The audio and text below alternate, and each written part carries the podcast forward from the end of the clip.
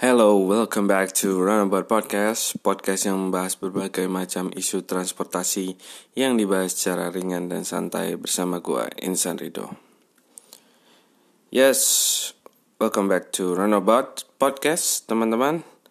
Uh, Sekarang sudah di episode ke-23 Gue upload sedikit telat sehari Tapi semoga masih bisa memberikan banyak manfaat buat kita semua Oke, jadi di episode kali ini gue mencoba untuk apa ya, sedikit mengutarakan kegelisahan gue mengenai salah satu isu yang eh, marak dibahas beberapa hari ke belakang mengenai polusi udara, terutama di Jakarta dan di Indonesia ya. Jadi eh, seperti yang lo tahu mungkin dari media sosial bahwa eh, sempat beberapa hari yang lalu tuh polusi udara di Jakarta itu mencapai indeks yang sangat tidak sehat dan terindikasikan bahwa Jakarta adalah salah satu negara dengan uh, polusi udara terburuk ya di seluruh dunia gitu. Dan ini menjadi concern buat kita semua. Uh, kenapa sih bisa terjadi seperti ini dan apa saja yang berkontribusi tentunya dengan eh, ada kaitannya dengan transportasi ya. Dan gue akan coba bahas itu lebih dalam di episode kali ini.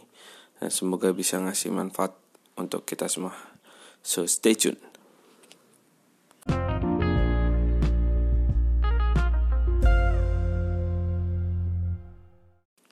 Alright, di segmen pertama ini gue akan coba membahas fenomena polusi udara yang sangat buruk yang ada di Jakarta yang sempat membuat kita heboh dan juga menjadi salah satu kota metropolitan yang paling buruk ya secara tingkat polusi udaranya dibandingkan di seluruh dunia dengan kota-kota lain. Nah, gue sebenarnya pengen mencoba uh, apa ya menjelaskan dulu mengapa ini bisa terjadi gitu.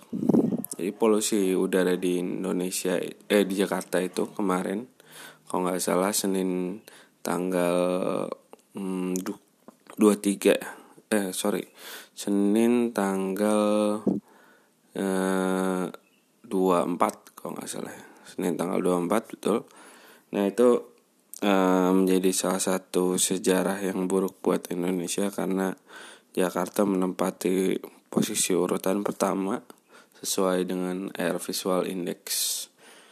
Dengan kondisi yang terparah ya untuk kondisi polusi udaranya. Dan ini bukan merupakan suatu peringkat atau prestasi bagi Jakarta tentunya gitu. Dan uh, ini adalah imbas dan akibat dari banyaknya kelalaian kita ya terhadap uh, bagaimana kita mencoba melawan polisi-polisi udara ini dengan kebijakan-kebijakan atau metode-metode yang efektif sehingga ya imbasnya seperti ini gitu. Polisi udara sudah tidak terkontrol dan bisa jadi Jakarta itu tidak layak untuk ditinggali oleh manusia apalagi orang-orang yang cukup rentan ya seperti anak kecil atau orang-orang tua gitu. Dan ini jadi concern yang besar harusnya untuk kita gitu.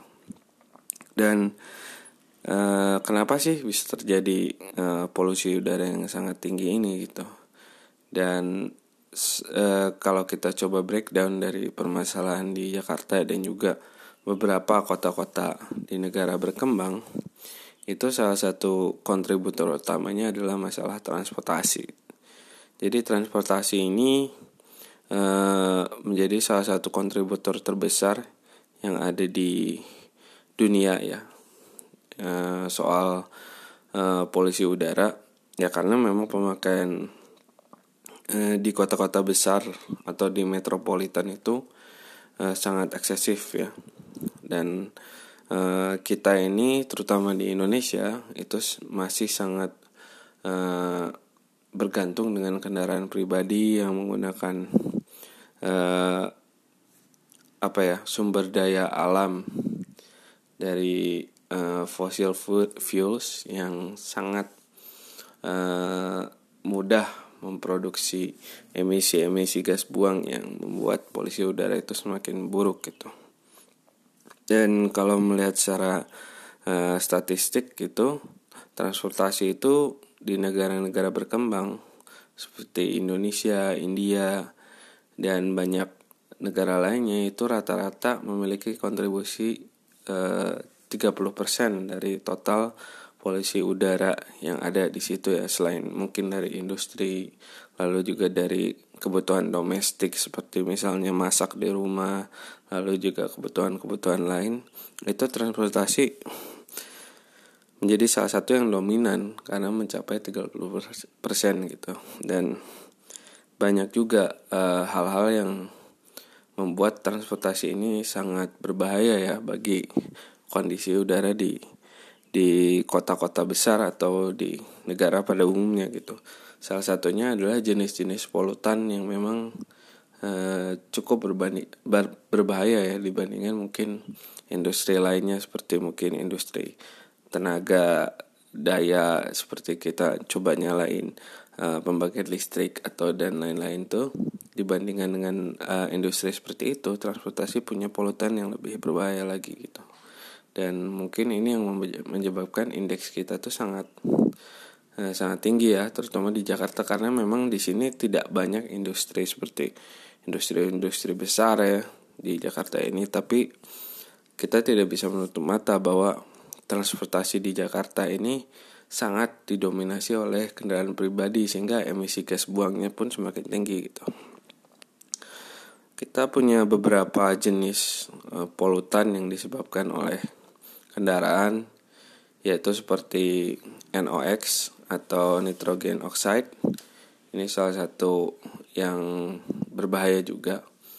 Dan uh, carbon monoxide yang mungkin kita selalu selalu dengar dulu ya pas zaman masih sekolah SMP atau SMA karbon monoksida salah satu polutan yang disebabkan oleh emisi gas buang yang tidak terbakar sempurna. Lalu juga ada PM atau particulate matter ya.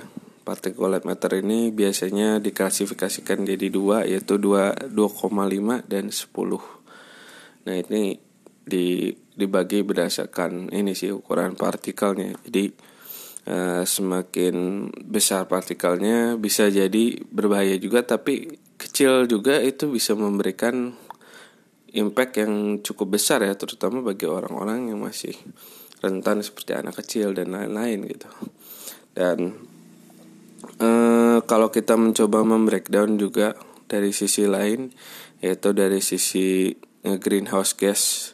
Artinya uh, uh, semua polutan-polutan ini beberapa itu bisa memberikan efek terhadap ozon kita ya. Untuk skala global mungkin dari sisi pemanasan global gitu. Yang sering kita gaung-gaungkan walaupun di sisi lain banyak orang yang merasa ini hanyalah uh, apa ya kepentingan politik saja. Artinya ya, global warming itu hanya isu-isu saja. Tapi mm, kalau secara saintifik tentunya ini suatu fenomena yang harus kita segera cegah bareng-bareng gitu ya. Salah satunya dengan memperbaiki polusi uh, tingkat polusi udara ya perkotaan maupun secara umum di negara ya. Dan ini yang harus kita kerjakan bareng-bareng. Dan banyak sekali contoh-contoh yang sudah dilakukan negara-negara di dunia yang sudah berhasil dan ada juga yang belum berhasil.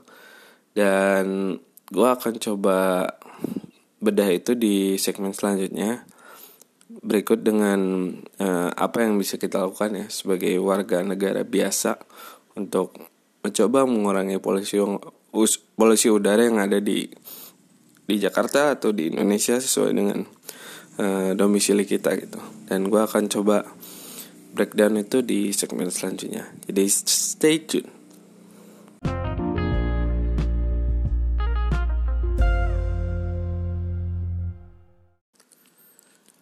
Oke, balik lagi di Roundabout Podcast.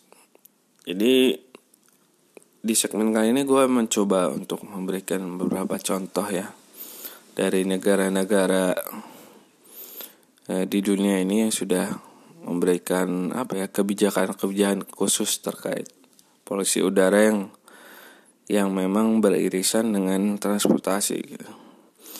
Salah satu yang eh, mungkin cukup eh, baru yang sempat gue bahas di episode uh, Roundabout Podcast sebelumnya adalah mengenai uh, low emission zone, artinya zona emisi rendah yang ada di beberapa kota ya. Di Eropa seperti uh, London, Stockholm dan beberapa uh, kota di negara Eropa lainnya. Cuma memang London ini beberapa bulan ke belakang menerapkan yang namanya ultra low emission zone uh, ini adalah zona di mana hanya uh, kendaraan dengan emisi yang sangat rendah yang boleh masuk ke zona itu ya. Dan di London ini kan memang terbagi beberapa zona. Ada zona yang sentral London yang benar-benar uh, istilahnya kalau di Jakarta SCBD lah mungkin ya. Jadi emang sentral London di mana bisnis itu bergerak, semua urusan orang tuh terkonsentrasi di sana. Itu Eh, menyebabkan banyak uh, transportasi yang berkontribusi secara masif ya untuk polusi udara di Central London itu. Sehingga pemerintah London ini mencoba untuk mentekel hal tersebut dengan uh, mengeluarkan kebijakan ultra low emission zone supaya yang di tengah itu di Central London itu hanya kendaraan dengan emisi yang sangat rendah gitu. Seperti mungkin mobil-mobil yang sudah sekarang dipakai di London secara cukup banyak yaitu dengan electric vehicle ya atau kendaraan listrik gitu. Dan metode lainnya adalah ya dengan memperbaiki efisiensi dari eh, kendaraan itu sendiri. Dan juga mulai bergerak ke arah eh, kendara eh, mobil yang yang sangat sangat rendah emisinya gitu. Salah satunya adalah electric vehicle atau kendaraan listrik gitu. Dan ini mulai banyak digunakan oleh negara-negara maju ya. Terutama di Skandinavia. Itu mungkin kalau bisa dilihat pertumbuhan mobil listrik di Norwegia, terus juga di Denmark dan Swedia tapi terutama di Norwegia sih ini mereka percepatan untuk penggunaan mobil listrik ini sangat sangat besar gitu. Dan orang-orang mulai beralih ke mobil listrik karena banyaknya insentif dan lain-lain. Itu membuat orang untuk berpikir uh, lebih baik menggunakan mobil listrik karena secara uh, secara mungkin ekonomi juga murah tapi di sisi lain juga membantu untuk mengurangi emisi udara gitu walaupun kalau secara apa ya siklus energi memang cukup debatable ya. Artinya mungkin kita nggak mengeluarkan emisi di sini cuma mungkin di luar sana jauh di sana itu di pembangkit listrik kita kita mengeluarkan banyak emisi di pembangkit listrik di jauh sana. Cuma ya memang masih perlu kajian lebih jauh lagi ya mungkin dari life cycle dari energi itu. Cuma mungkin gesture yang harus kita tangkap adalah memang harus kita aware ya terhadap uh, emisi yang dikeluarkan oleh kendaraan kita pribadi gitu. Dan bagaimana kita sendiri yang yang secara pribadi ini mungkin powerless ya dibandingkan mungkin uh, pembuat-pembuat kebijakan di Indonesia pemerintah dan lain-lain itu yang bisa kita lakukan adalah mencoba mengurangi emisi gas buang itu dengan beberapa beberapa hal itu. Pertama ya tentunya mengurangi kendara, uh, konsumsi kendaraan pribadi saat kita memang bisa menggunakan kendaraan umum atau mungkin jalan kaki sekalian atau menggunakan sustainable transport modes yang lain seperti sepeda dan juga mode-mode yang lain yang sangat ramah lingkungan itu itu membuat kita ikut berkontribusi juga untuk memperbaiki uh, kondisi udara di Jakarta atau kota-kota lain di Indonesia.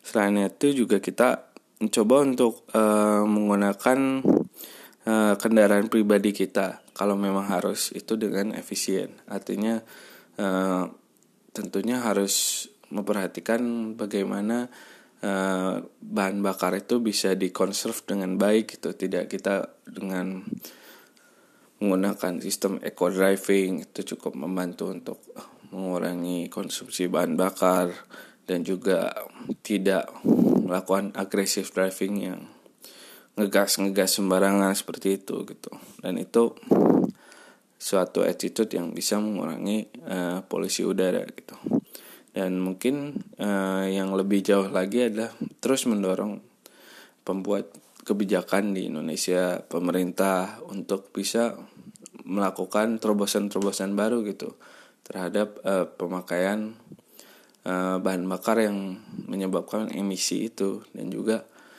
ber, berbagai macam kebijakan lainnya seperti mungkin bisa menerapkan yang ada di London seperti low emission zone di beberapa wilayah mungkin di Jakarta gitu dan tentunya ini harus dilakukan bareng-bareng ya dari sisi pemerintah dari sisi kita sebagai orang biasa dan juga Eh, industri-industri uh, yang bermain di dalamnya gitu. Jadi mungkin segitu dulu dari gua untuk di episode 23 mengenai polisi udara dan hubungannya dengan transportasi. Semoga bisa ngasih banyak pembelajaran bagi gua sendiri dan juga teman-teman semua yang mendengarkan. Terima kasih yang sudah mendengarkan Rodobat Podcast dan sampai jumpa di episode selanjutnya. So, see ya.